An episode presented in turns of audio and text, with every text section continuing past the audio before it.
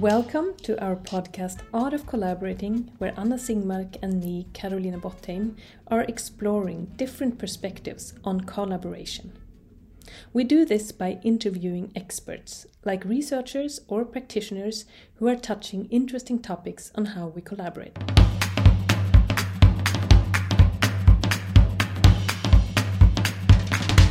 In this episode, we have a conversation with Els de Meyer from Eindhoven in the Netherlands. Els has done research on open innovation dynamics and, more specifically, on languaging in industry academia collaborations. We were really inspired by talking with Els about how our communication or languaging is core for us human beings working together and therefore shouldn't be ignored or placed only in the HR or communication department. There is big potential in getting used to talking about how we are talking and interacting with each other. So please join us in our Thinking Along conversation with Els.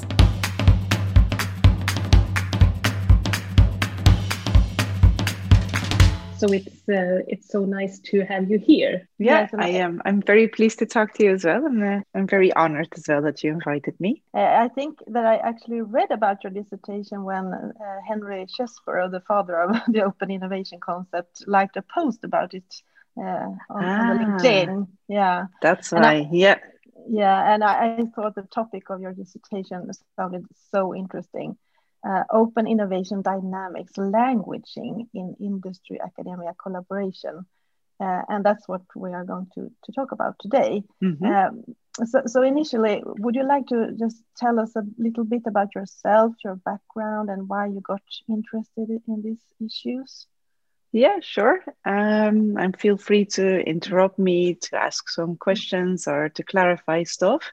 Mm-hmm. Um, so I I'm in a bit of a strange uh, environment if you look at uh, my background, because I've actually been trained or I've studied linguistics um, at university, and especially social linguistics, so how language shapes um, our environment and um, our surroundings and how we interact, um, how language plays a role in our interaction. So that's what I studied. And then I started teaching in a secondary school because I always liked working with teenagers. And um, after a while, I found the, the pressure in in uh, in secondary school a bit too high to say so. I really loved working with the teenagers, but um, it's uh, you make very long hours, a lot of corrections, especially when you teach a language. So because I did Dutch and English as my languages in, in linguistics, so I ended up as a Dutch and English teacher, of course, which means a lot of essay correcting. Mm. Um, and then I kind of rolled into university college um, as a communication lecturer, but in a completely different um, education. So I was in uh, I'm I'm a part of a team that is uh, I was going to say creating, but I actually mean training people to become engineers, industrial engineers. And industrial engineers, of course, are very technical and uh, they really like hands on work and they really don't like anything that has to do with language. And part of our institute has also got a research group, and the research group is also on innovation, entrepreneurship. And I always had to, well, for I, I kind of felt that I really like doing research. So hence I came into contact with uh, Ger, Ger Post, who's um, our lector, which would be like um, uh, a professor, but then on, on university college uh, level. And I just kind of brainstormed with him. So what is interesting to do? Uh, given my background, I, I wasn't really sure about where to go. I knew straight away I wanted to do something on interaction and how people uh, uh, com- have conversations with each other. Mm-hmm. And he kind of suggested, he said, listen, uh, open innovation is a pretty hot topic at the moment. There's a lot of, to do about openness, about trust, on how you interact with each other uh, to create collaboration. And hence the, the idea was born. So uh, mm. that's how I kind of rolled into it. And of course, then it takes a while before you found your way of working and all that stuff but um so i i my my background is is very it's a weird combination of course then so i it is language on the one hand and then in a pretty industrial environment mm. so that's how I rolled into it.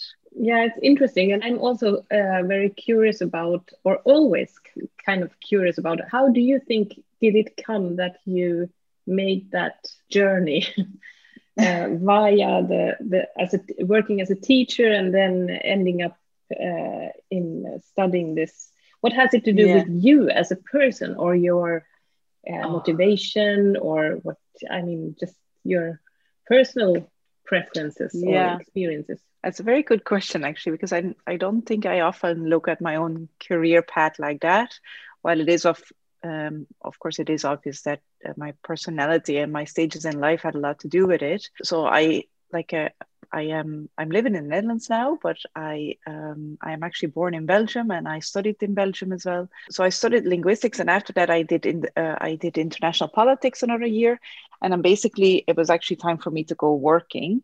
Um, mm. because the money to study was just gone, and my parents were kind of like, "Right, this it's time to go, go and make some money." Mm-hmm. Um, and that's why I ended up in education in the first place because I had a, a kind of previous, I, I always liked, so I've, I've been a group leader in for holidays for uh, kids and teenagers that have uh, didn't have opportunities to go uh, to go on holidays because of mm. lack of money or lack of social network and i've always uh, done that so i always liked um, kind of i don't know coaching and trying mm. to um, to, to achieve something with, with kids and teenagers there. So that got me into teaching, I have to say. I always really liked doing my uh, dissertation. So, my dissertation for uh, my master's, I really love doing.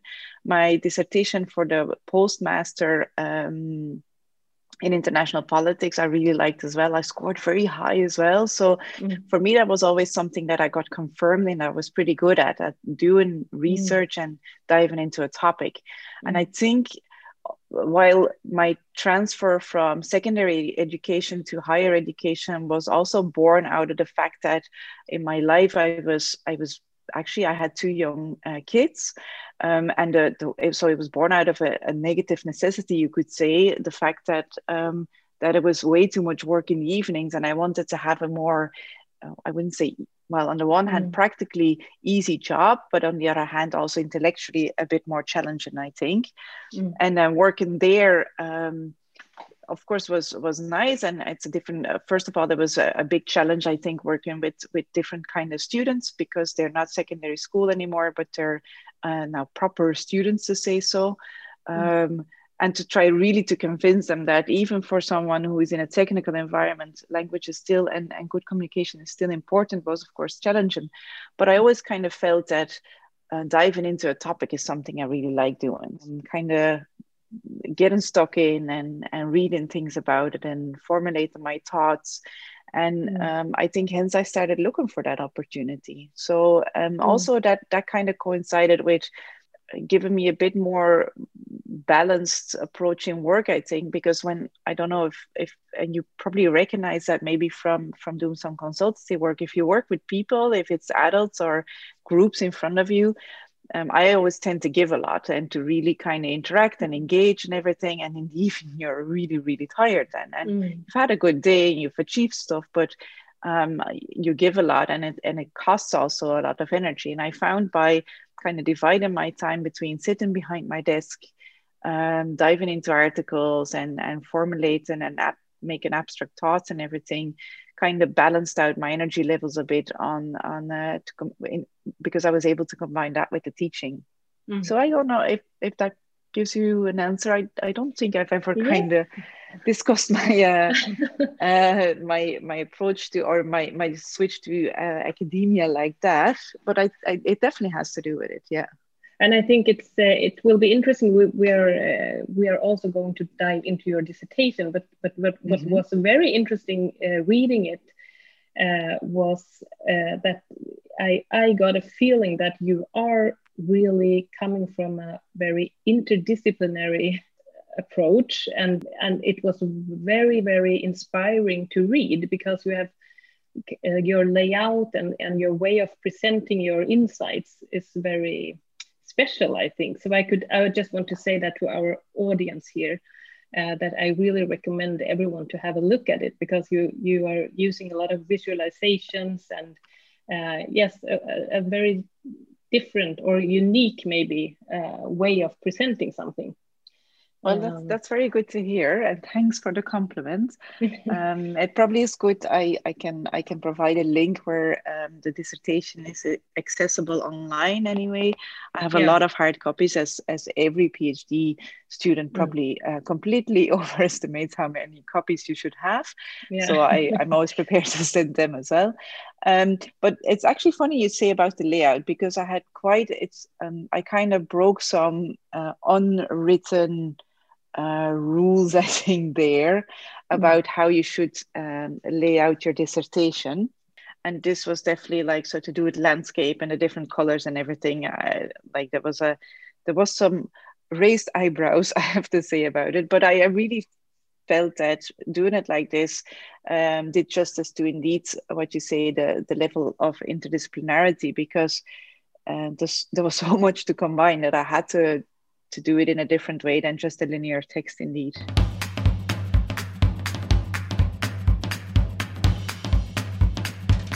When we have these talks uh, with the experts and researchers, we we are kind of uh, designing these talks in a uh, in a very simple but uh, but in a structured way. so we okay. always start with a check-in uh, where we just uh, all of us just uh, have the possibility to say uh, yeah what are my expectations for this conversation or my mm-hmm. what what do i hope for in this conversation and then we maybe make a time out in the middle of the talk just to make sure that we are talking about the right things and mm-hmm. uh, talking in a good way and then at the end we make a checkout uh, and just uh, ask each other what do you what are your takeaways from this or your do you have any new insights after this uh, this conversation so yeah. if that feels okay for you, uh, is that okay? Mm-hmm.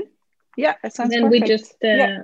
yeah. So then we start with the with the check-in question, and the, the check-in question.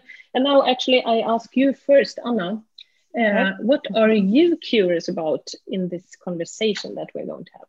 Oh, I'm very curious. Um, I think the the subject about language in uh, collaboration uh, and of, of course in in industry academia collaboration uh, is very interesting because sometimes you sort of talk about collaboration in a way that it sounds so simple and it's just like uh, let's do some open innovation collaboration and let's create some fantastic results and so on. And, and very often in perhaps when you talk to like uh, government agencies or or financing institutions it, it sounds so easy. But i mean I think very often it's very much coordination and interaction and, and uh, a lot of rather difficult dialogues uh, when it comes to organizations uh, trying to do something together. So I'm so very interested in this topic, how mm-hmm. language sort of uh, affects collaboration. Yeah, thank you. And uh, Els, what what are you curious about? Well, I'm I'm very I, I read a bit on um, on both uh, uh, of your work that you do, and for me, every conversation is a bit of more data gathering. I think on or or I always hope to get more insight, even or additional insight on what I've previously discovered. And I'm very curious um, to hear from either of you um, how you see the bottlenecks that appear, or if you can give me some specific examples of things that you I don't know, maybe anecdotes, things that you have come across as the issues when people try to do uh, inter-organizational collaboration or when they get into innovation processes. Mm. Wow, yeah, uh, thank you. and uh, for me, I'm um, um I'm curious about many many things, but I'm curious about uh, to pick something. Yeah, maybe it is this uh, integration of uh, research and uh, practice uh, mm-hmm. and how we can be inspired or, or how we can learn from each other. And and actually this language thing is something that we really work a lot with in as practitioners. So we use uh, but but i just when i looked up your references i think we have other communication theorists that we are working mm. uh, with. And uh, so it would be so nice if we can also share some some of that of uh, our approach and then hear you reflect upon that also because yeah because we are we are trying to use actually languaging as something very practical uh, in right. our work. So um, mm. yeah, yeah, so it will be uh, very interesting. Yeah, yeah, I'm very curious indeed about the differences. Yeah, uh, but but let's just um, perhaps start a little bit about uh, when thinking about our listeners too. I mean, open innovation as a concept. Um, it, it is very hot, as you said, or was yeah. very hot, or it's very hot. And and I mean, uh, this concept was uh, first introduced by by Chesbrough, building on this idea that organizations must plug into knowledge outside the organizational borders, and that knowledge should flow across the borders, and that organizations can really gain by interacting uh, mm-hmm. outside mm-hmm. the, the, organizational border. Uh, uh, what what is your sort of interest in this um, phenomenon or, or, or concept? why why why are you interested in, in open collaboration yeah well i actually because straight away when i heard about the concept i uh, intu- intuitively kind of knew it was it had a lot to do with with communication and and with language and interaction and that is my background of course so i never believed well i suppose i also wasn't uh, very familiar with more abstract thinking on organizations i I always, for me, was always very uh, obvious that uh, something like that would would happen in communication, would happen in interaction with people. So hence, hence the interest, I think. Yeah. And I, think I read somewhere in your dissertation that that um, sort of uh, that innovation processes are. I think you said something like uh, real life multi-layered practices yeah. Uh, that are performed through talk and interaction and and yeah. uh, that is so interesting uh, to, and also the title how does languaging enable openness in, in this yeah. work yeah there's no other way there's absolutely so of course we can we can talk about open innovation in an abstract systemic way uh, where we uh, you know we can look at the level of um, of the, the, the, different entities and, and the contracts and everything but so and, and the different types uh, of open innovation and uh, the numbers on in, in how they fail and how they are successful. But regardless of, of how you look at it in the end even if it's really strict contractual based and it's it's even uh, more towards a, a, closed form of collaboration you, you still end up with interaction it's still where people have to talk about what they want and, and what kind of contract form and, and things like that. So, in any kind of way you look at it, it, it still is a negotiation between what people and parties want from each other and where they want to go to. So, mm-hmm. for me, there's absolutely no other way of looking at it. Um, what I felt though was that uh, going into the research is that in a lot of cases, although everyone seems to acknowledge that communication and interaction is so important, is that there was very little attention for it. And that of course it's it's in on this base like oh yeah it's you know we have to get the message clear and we should talk about it. But it was never really i didn't feel recognized that is that it's more than negotiating a contract. That there's so mm. much more layers at stake that actually could shape your collaboration and and determine whether your collaboration will, would be successful or not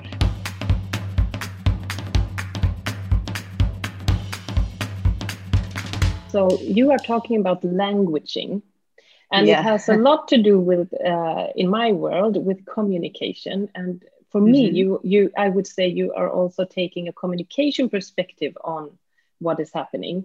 Uh, yeah. So, what for you? What is the difference between languaging and communication, or is there a difference? And, and why did you choose the word languaging? It's a very good question because I doubted for ages if I would use the word or not because I find it such an ugly word.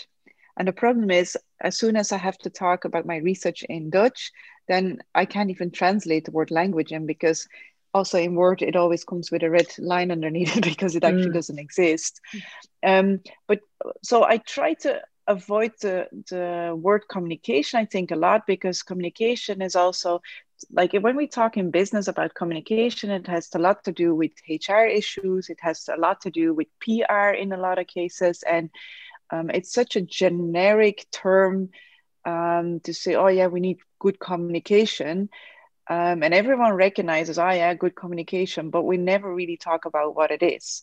Mm. And by using the word languaging, I wanted to stress the fact that all the work we do is based on the words we use and in the com- the combination of the words we use and how we interact with each other. So our work is actually language work. So real collaboration means you have to um, live through and kind of on the spot negotiate how you want to bring your message across, how you think it will be interpreted, to kind of uh, be conscious of the different uh, dynamics at play and it's hard work. So mm. um, languaging or language work is what i use as an alternative in a lot of cases which translates a bit easier in any other language if you use language work. Uh, for me is more is more it denotes more the the effort you have to put in rather than this generic yeah term of communication i think. Yeah also I'm trying to drag the the interaction back into the, the daily processes uh, in companies like that because like i said in a lot of case, cases communication is something that is done externally to to outside customers or something or you know something uh, considered a soft skill and and i really don't think that is justified to kind of label it like that. Yeah that, that is something yeah. It i think it it relates also a lot to our experience what you said about the the communication thing that is a part of the hr department or also mm. the the human interactions. It's kind of and personal relationships and that's also part of the hr department in a way. Yeah. And uh, when we are not and we're talking about them as as you said as soft skills or something that is kind of nice to have or something yeah and yeah not exactly. not as as really hardcore because it's exactly what we it's so intermingled with the thing that we are doing together so it mm. is actually what we are doing together and it it makes something possible or not possible that that's part of our interaction so and yeah. uh, so so i think this is also like kind of a sometimes i feel like we're on a mission to to to really explain that to people that wow communication to understand what is happening communication or languaging or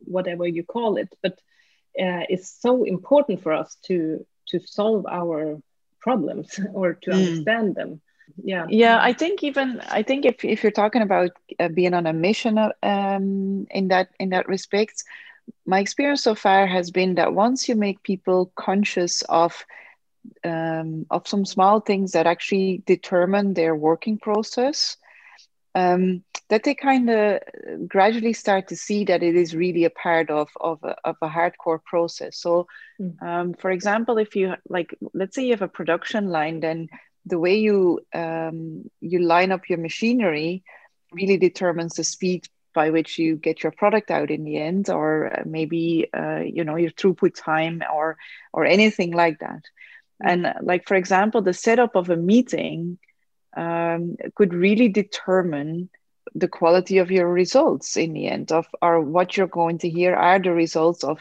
for example in an in an industry academia setting the the way you set up your meeting mm. whether it's based on presentations or q&a or it's based on having a good chairman or a facilitator will actually influence and I, I shouldn't say influence but it, it shapes the outcome of of your your meeting. And that could be known or not known that a new product is is made or that there's a new innovation or that something is shared or not shared.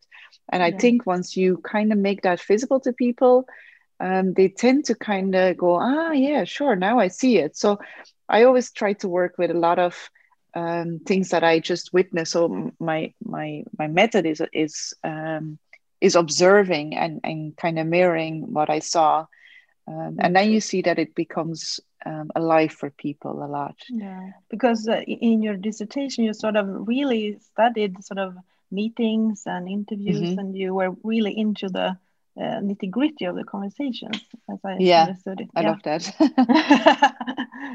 yeah. yeah yeah true and I, I, really think that's that's where you see things happening. And and of course it's very elaborate work and and um, it takes a long time if if you really want to do that thoroughly because it means you have to have well there's some issues you know like accessibility can you record a meeting confidentiality all that stuff.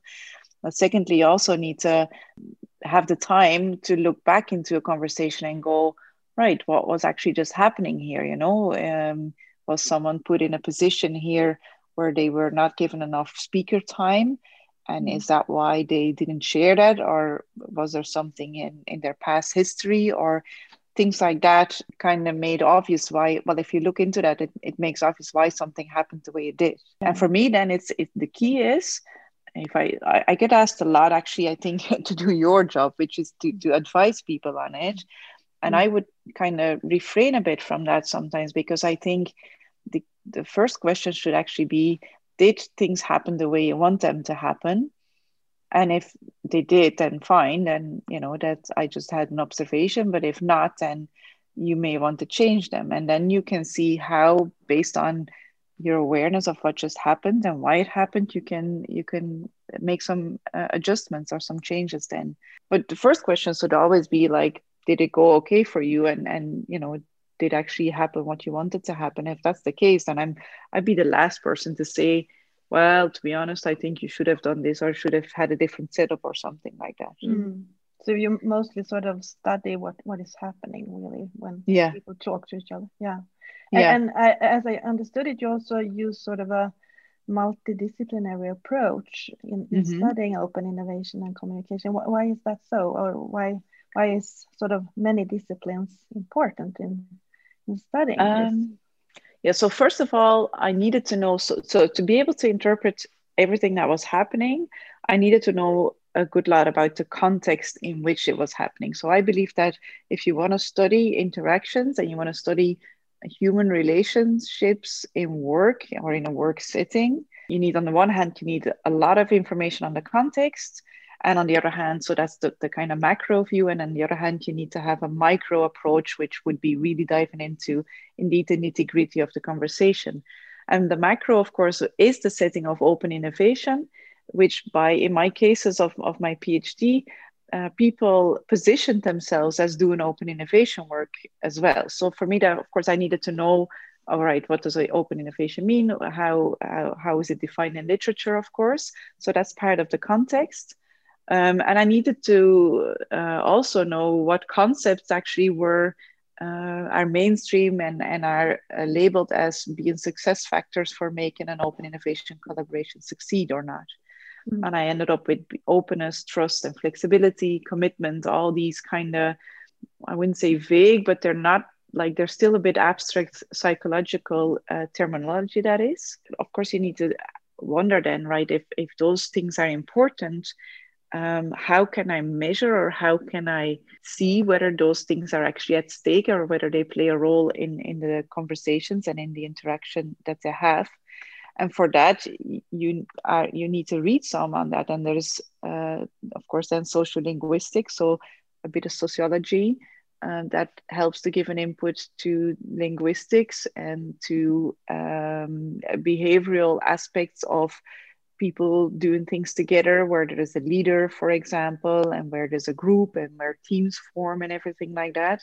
Mm. so to be able to to make a to really describe what happens I, I feel you you always need to have a holistic view on things and try to check the, the, the possible explanations for it and then of course verify which is the most plausible explanation for whatever you've just witnessed. And it's a very hard uh, not to crack because again like open innovation is very hip and trendy interdisciplinarity is also very trendy to you know uh, look beyond your borders your disciplinary borders until you do so and then people um, tell you that it's not specific enough or you know um, what kind of line of theory you actually taken because you've everything. And then people find it very difficult to to kind of value your work uh, based on their their own paradigm they, they have.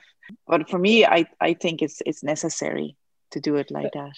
I think also you write in your preface or some somewhere in your uh, work uh, about the that you need to have open mindedness. I think you write, and mm. to, to be able to connect to do connections between theories and and what you observe and so on. And uh, uh I really like that, and I also think that um, it's that is really an interesting field, the field of interdisciplinarity, because it's it really brings it what, what you are looking at in this in your this in, in your research is actually what happens between people in their interaction uh, when they are trying to cross these borders or not cross the borders maybe but uh-huh. but um, uh, you are talking about permeability of between between the uh, organizational boundaries and and yeah. like kind of constructing new or integrate things and so on and that is happening in this interaction and i think yeah that's where it shows up how difficult it is because we are coming from different language cultures and we are yeah. using different words and so on and and so many things are happening in that between between people in sitting in those meetings and i think yeah, it's exactly. so valuable to have like your research just to have someone who is just looking at that and and trying to find okay what is happening here and how can we explain it? Because it's so complex. So it's um, i think it's probably a big mystery and something that we will never be able to explain fully but it's very it's good to have different ways of seeing it i think. Mm. uh, yeah. I was also thinking when you when i was listening to you now that because we have um, we are inspired a lot about uh, by um, a person called Nora Bateson. I don't know if you know her yeah. or have heard yeah. about her. Yeah, I um, have definitely heard about her. Yeah, because she's doing a lot of work. Uh, I think she calls it transcontextuality. So it's mm-hmm. it's very much like you are talking about the, the importance of context and everything. But she's she's also she has been writing a, a very beautiful book and where she also is kind of in the in between um, theory or research and art. Uh, so so mm-hmm. she's so it's a little bit um, yeah. I was thinking about that when you were talking now. Yeah, um, yeah. I've I've heard about. I'm I'm not sure in which context I have heard about her indeed, but in I um I definitely um yeah I de- that definitely resonates with me.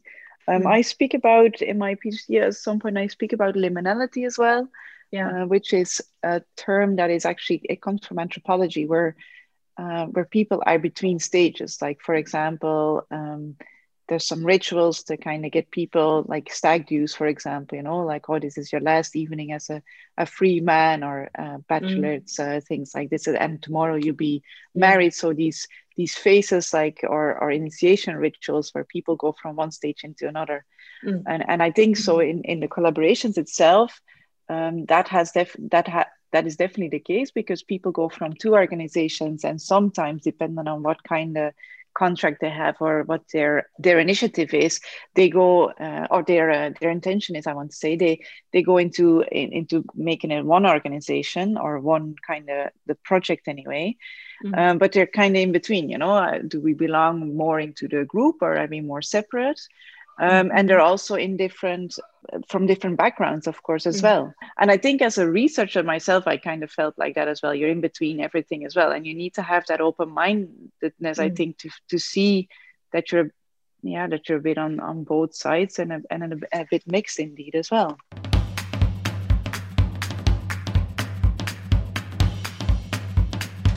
I, I, think you were studying sort of a, a, large company and a research institute and, and their collaboration. And it's so interesting also with the context, um, as you were uh, speaking about, sort of. Uh, but what what would you say, sort of? I mean, this kind of co collaboration is happening everywhere. But what is so sort of specific when when companies collaborate with research or? yeah.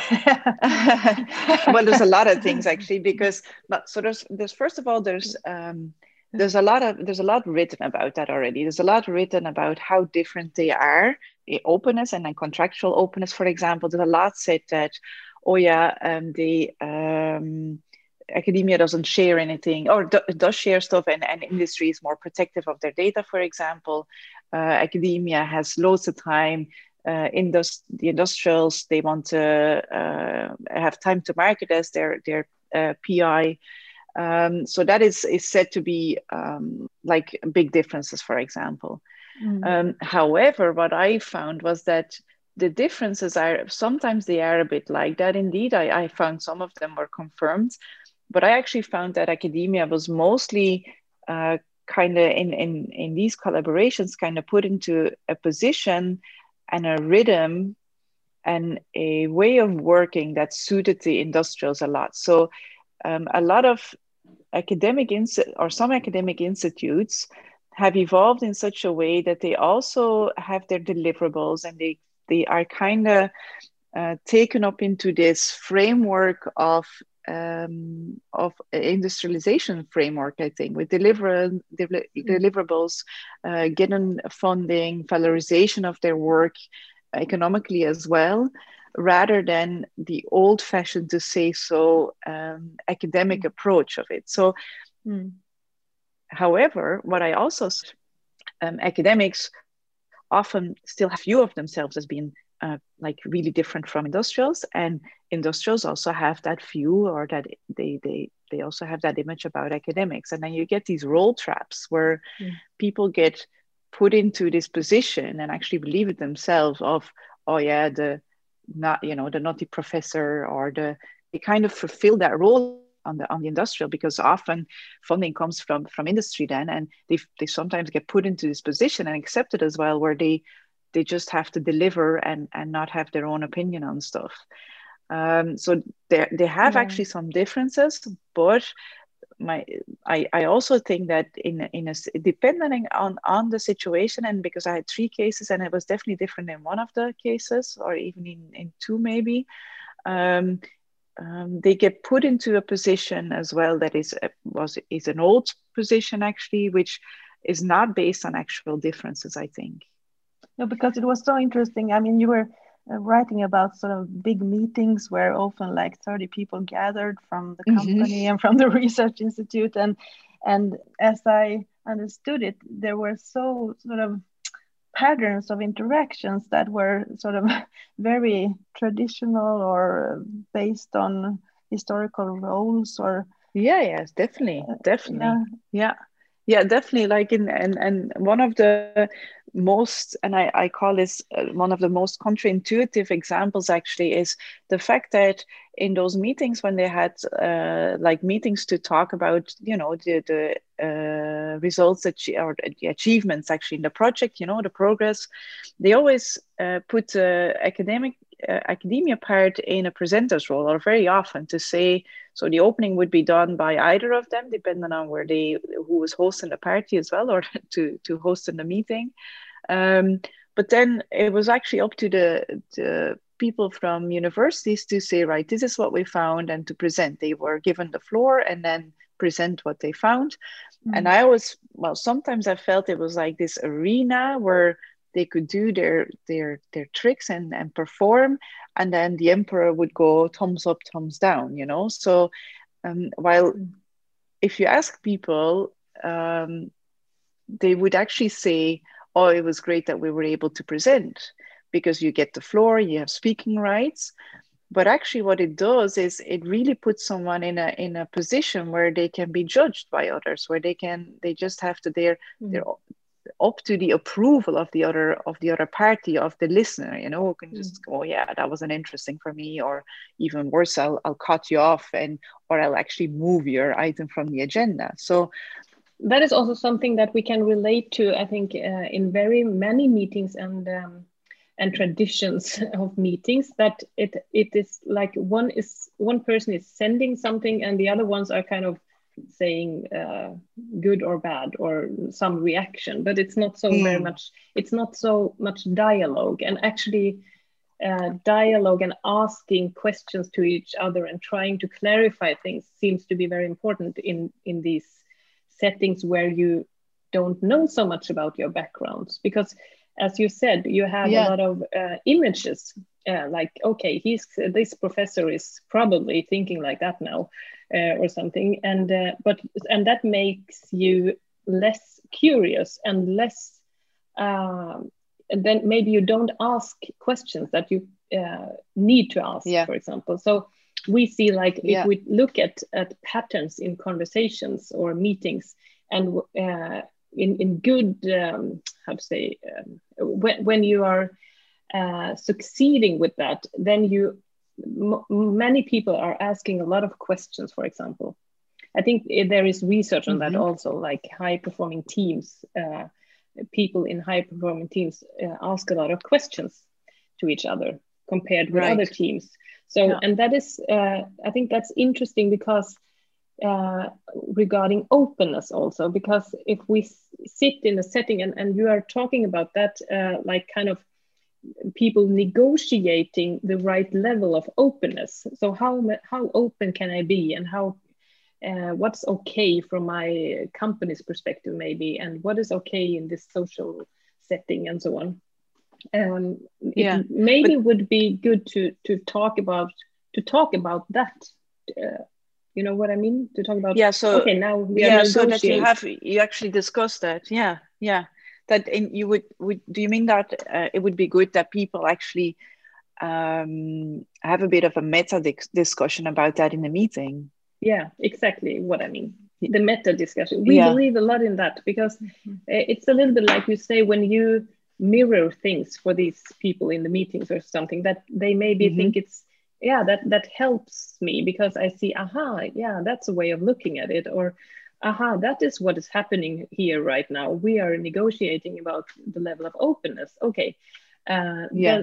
to, to be able to talk about that um, makes us more in in charge maybe of the situation or it makes uh, we get a little bit more uh, opportunities of, of acting uh, more consciously yeah. maybe yeah definitely i think that it's it's actually how you started to, this podcast as well or or how in the beginning you said right mostly we set it up uh, like this and these are the three parts and i'd like to discuss your expectations like that so by doing that you made me very conscious of um, of, of the the process of this meeting we're having so mm. um, not only that makes it but it makes it easy for me or it makes me less anxious because I know exactly what's going to happen or you know I have a, a sense mm. of direction anyway. But also it helps me frame the the, the conversation. I, I know that I can ask you questions as well now you know or that I can have expectations as well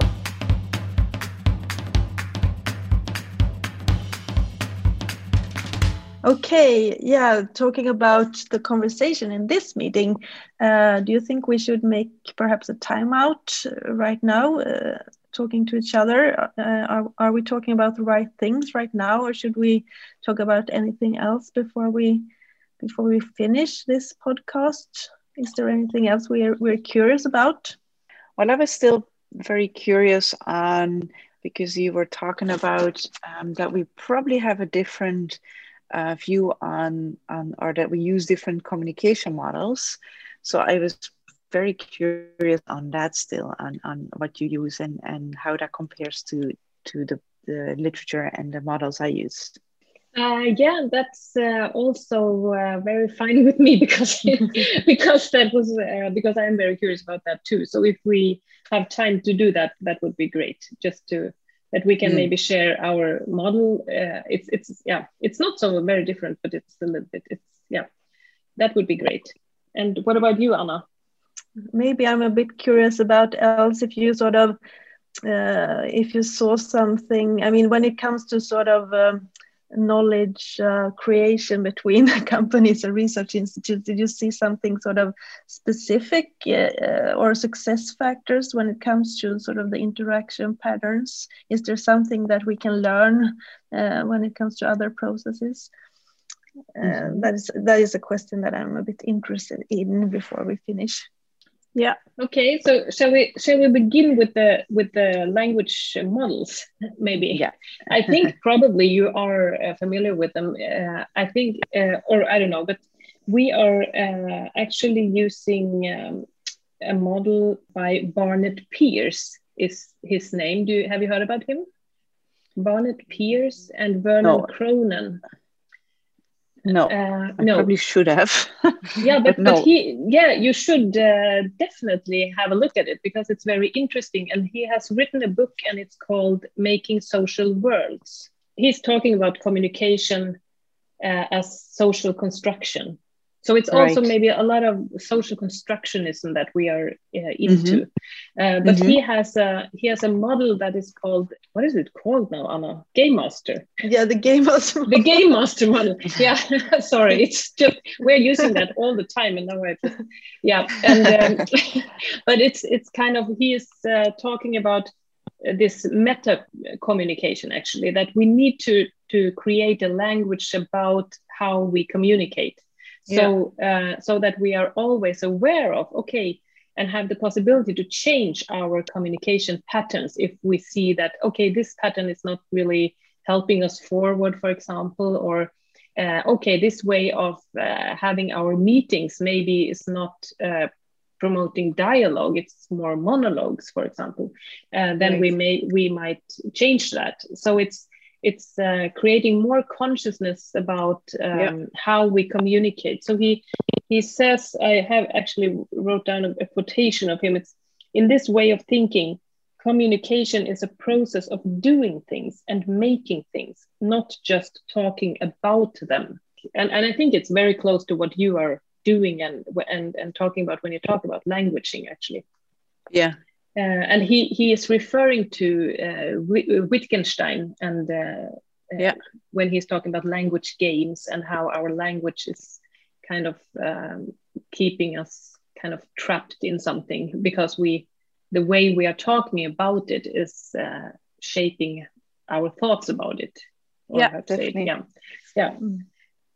Yeah uh, I, I don't think it is very different indeed. It is it that's mm. exactly that and and i think where you say the, the consciousness i i end my phd with a call for more language awareness which is very similar like that you actually know um, what you're doing you know and indeed is mm. our presentations the best way to have a dialogue probably not but if if that's what you do because you've always done it mm. or mm. because that's a traditional setup or you know then then you will and and I suppose that's the difficulty now. I think with the online going online as well is that firstly, uh, well, um, it depends a lot on on people's uh, technical ability. I think to kind of select the right setting uh, for dialogue or for mm. asking questions. Mm. Uh, because people have a feeling there's like a screen now and everyone's behind their desk and it takes a lot of um, facilitator skills now and, and some technical uh, retraining, I think, to to get the most out of this setting to mm. remodel that into a way that that it's it, it fits the purpose of what you want to do on, a, on an interactional uh, from from an interactional point of view, indeed. Uh, but yeah, it's it's very similar. We're not like I um I, I I never when I saw your website, I kind of straight away knew that you're not into this old fashioned sender receiver model that a lot of consultants still use. Mm. Um, and still think it's justified that it to say, yeah, right, it's, uh, it's the sender's responsibility to send a clear message to the listener. Yeah. I'm, I'm, yeah. yeah, but but it is, and it's it's not. Yeah, many people are uh, thinking that way, and and the way of uh, us having meetings is also created based on that paradigm yeah yeah in a sure. way and that makes yeah. it so difficult to to change it maybe because it's so under it's a very underlying and an unconscious assumption that we have so yeah uh, yeah and even more so I, i'm sorry to drop but that's like so if if we talk about open innovation like transfer of knowledge that is not going to help either, you know, because then we view this thing as indeed that message that we can send from one organization to another, and they just have to do something with it, you know, absorb it or don't absorb it. While it is, if you look at it as a, like we both have uh, capabilities and we have capacities and abilities and, and our, our qualities, and we kind of try to not just drop them on the other side of the fence, but kind of uh, try out in this setting who could use what from whom mm-hmm. um, i think it's a lot more productive and i think that the success rate would definitely go up if if we if we treat it indeed like a process and not like an artifact that we throw, like I said, on the other side of the fence, hoping that the other organization will pick it up. And to be fair, I think a lot of meetings are set up like that now as mm, you yeah. you show what you have got and we'll say what we think about it. While this it could be uh, as soon as you're stuck or something and, and i can imagine that you say right we're not going to do presentations we want to have a negotiation round here for example. But then yeah. indeed like you said you need to be able to talk about on a meta communication level to talk about talking. Yeah. And also sort of maybe to to be more interested in sort of what talking can can be like when it's really good. I mean yeah. yeah. But i think that people will be when so i i, I believe that this kind of doing this and, and you need good facilitators for that and that could be someone in either company or an acad- academic institute or anyone who takes up a role as a sort of account manager but then maybe it's not the, just the account manager but also the facilitator of those meetings someone who is a bit detached of it and is able to kind of guide that process a lot better Mm. Um, and I think as soon as you have someone who's able to do that, who is able to create that level of consciousness and is conscious him or herself, then I what I think you get is quick wins. People will definitely see very quickly, I think, that they or feel the satisfaction of having a more mm, clear and and yeah satisfactory conversation. I think with each other. And did you see something sort of uh, when you looked upon these meetings with the, the, the company and the research mm -hmm. institute? Did you see sort of uh, when they were really sort of reaching it, each other or or creating something new together? What did they do when they when they succeeded? Sort of. Yeah. So um, there's a couple of things. Um, well, it's more uh, I wouldn't say anecdotal evidence, but it's it's things that I've seen that actually have worked, and that is uh, someone else talks about uh, charismatic leaders in there. I, I know um, Mara Madat, who's like I think it's her who did research also on innovation. If I'm not mistaken, Italy, she talked talked about charismatic leaders and the importance of them. And what I've seen is something similar um, where people are able with like a sense of humor to kind of um, level with the other party and kind of bring them down or up, you know, or however you want to see it, by some self kind of putting yourself a bit down to kind of get rid of of these assumed identities of oh yeah we're in in a in a top position so in, in this case I, I i have to think about one of the industrial ceos who uh, showed a slide um, of a product that was in the making like messy you know there was cables hanging out there was tinfoil was hanging out everything like that mm-hmm. and he said well you know this uh, this looks like a, for any anyone in here this would look like a perfect scientific experiment um, but this is our product, you know. And so he related to the academe, academics in, in the public by kind of making a joke about it and then still going, yeah, we know that our product isn't so far yet, but he still presented it and he um, he gave room to the, the process of inventing something you know he made that explicit and visible and by that kind of related to kind of build a bridge with with with his public like that or with the other party to say so so a sense of humor and kind of doing these things to uh, where uh, this this is actually someone who really feels uh, the other party in the in the in the conversation. I always noticed, um, but that actually um, that actually made it easier for people, I think, to contribute and to create a safe environment where you could ask questions. Because, and this is something we talked about at the very start of this podcast. This um, I, I, I don't know if it's Anna or Caroline who uh, who brought it up, but uh, the, that um, very successful uh, meetings or collaborations or organizations, they ask a lot of questions.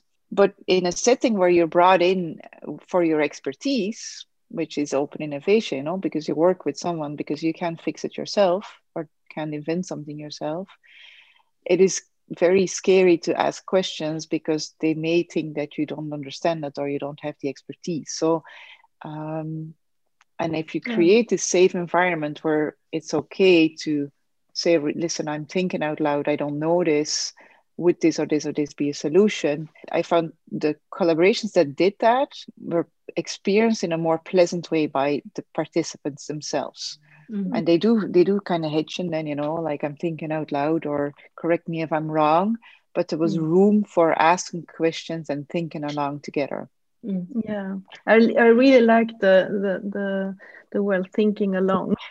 yeah, yeah, it's not my. I, I I I stole it from someone else. Yeah. I referenced it properly. yeah. but it's not my uh, my term. But I really like it as well because it's like yeah. you hop on to someone else's thought and then you hop on again and you kind of build on together like this. You know. Yeah. Yeah. And it's so it's so wonderful to be sort of in a process where you can think along with each other. Right. I mean, that's so creative and that's sort of yeah energizing. Mm.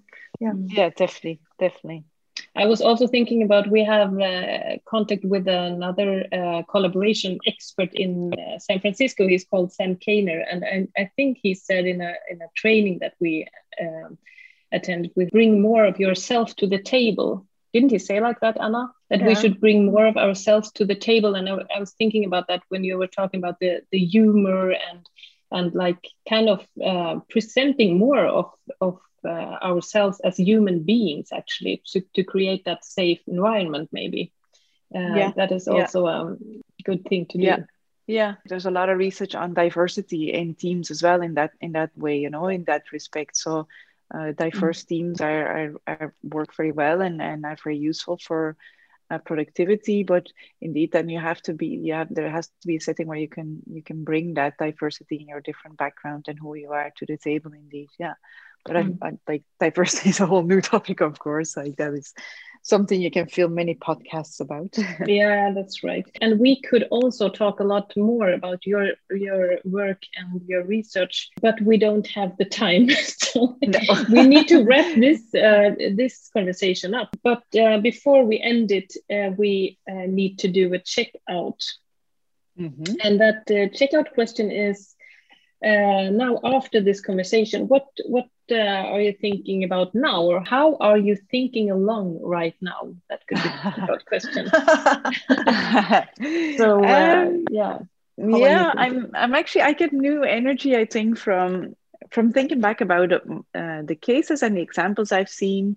I just see there's such a world a, a world to explore still. And you spoke about your mission you know and although like i i become more passionate still about that i think that i really think we should also make more efforts to get uh, this consciousness of of uh, the the language as a process and language work as a process that that is so vital to productivity mm. and to achieving um, innovations that could help society that is so essential to it i think we should definitely continue that mission. And i never really saw it as a mission i think but i think listening to both of you or talking to both of you that is definitely more clear to me still. Yeah. Thank you. And anna what about you? How are you thinking along right uh, I, I really like talking about this and I really like talk, uh, thinking along with you guys about this and I could uh, spend more hours doing it. Uh, I think I, I agree with you, Els. So I also get even more passionate about about the, this and the importance of languaging and the, the sort of big potential in making making these uh, interaction processes um, even smoother because I think we could actually uh, create so much more uh, mm. in in different circumstances and between different actors and when it comes to societal challenges and when it comes to different innovation potentials. So yeah i get even more uh, passionate about this. So thank you so much. And carolina. Thank you yeah, yeah, yeah. For me, it's um, well. I, I I also agree on that energy thing. I also feel very energized after this conversation, and uh, I'm so happy that we're able, able to do this in English. it's not the perfect English, but I think it's uh, yeah, we are uh, probably improving a little bit, don't you think, Anna? Uh, but uh, we were talking about this before the conversation. Uh, but um, but I also think it. I'm so I um, I'm so happy to have found a researcher who is really doing uh, interdisciplinary research. I think that is uh, so great to to uh, to talk to, to someone like you. And also, I think that I realized that um, that some part of me uh, really uh, is attracted by the the research thing when you say to explore things and and just to have the time and um, space to to explore for example what is happening in this meeting and how are they talking and and all these things. And I just, uh, yeah, maybe sometimes I will also go to research. I think it's it sounds very very uh, inspiring when you are talking about it.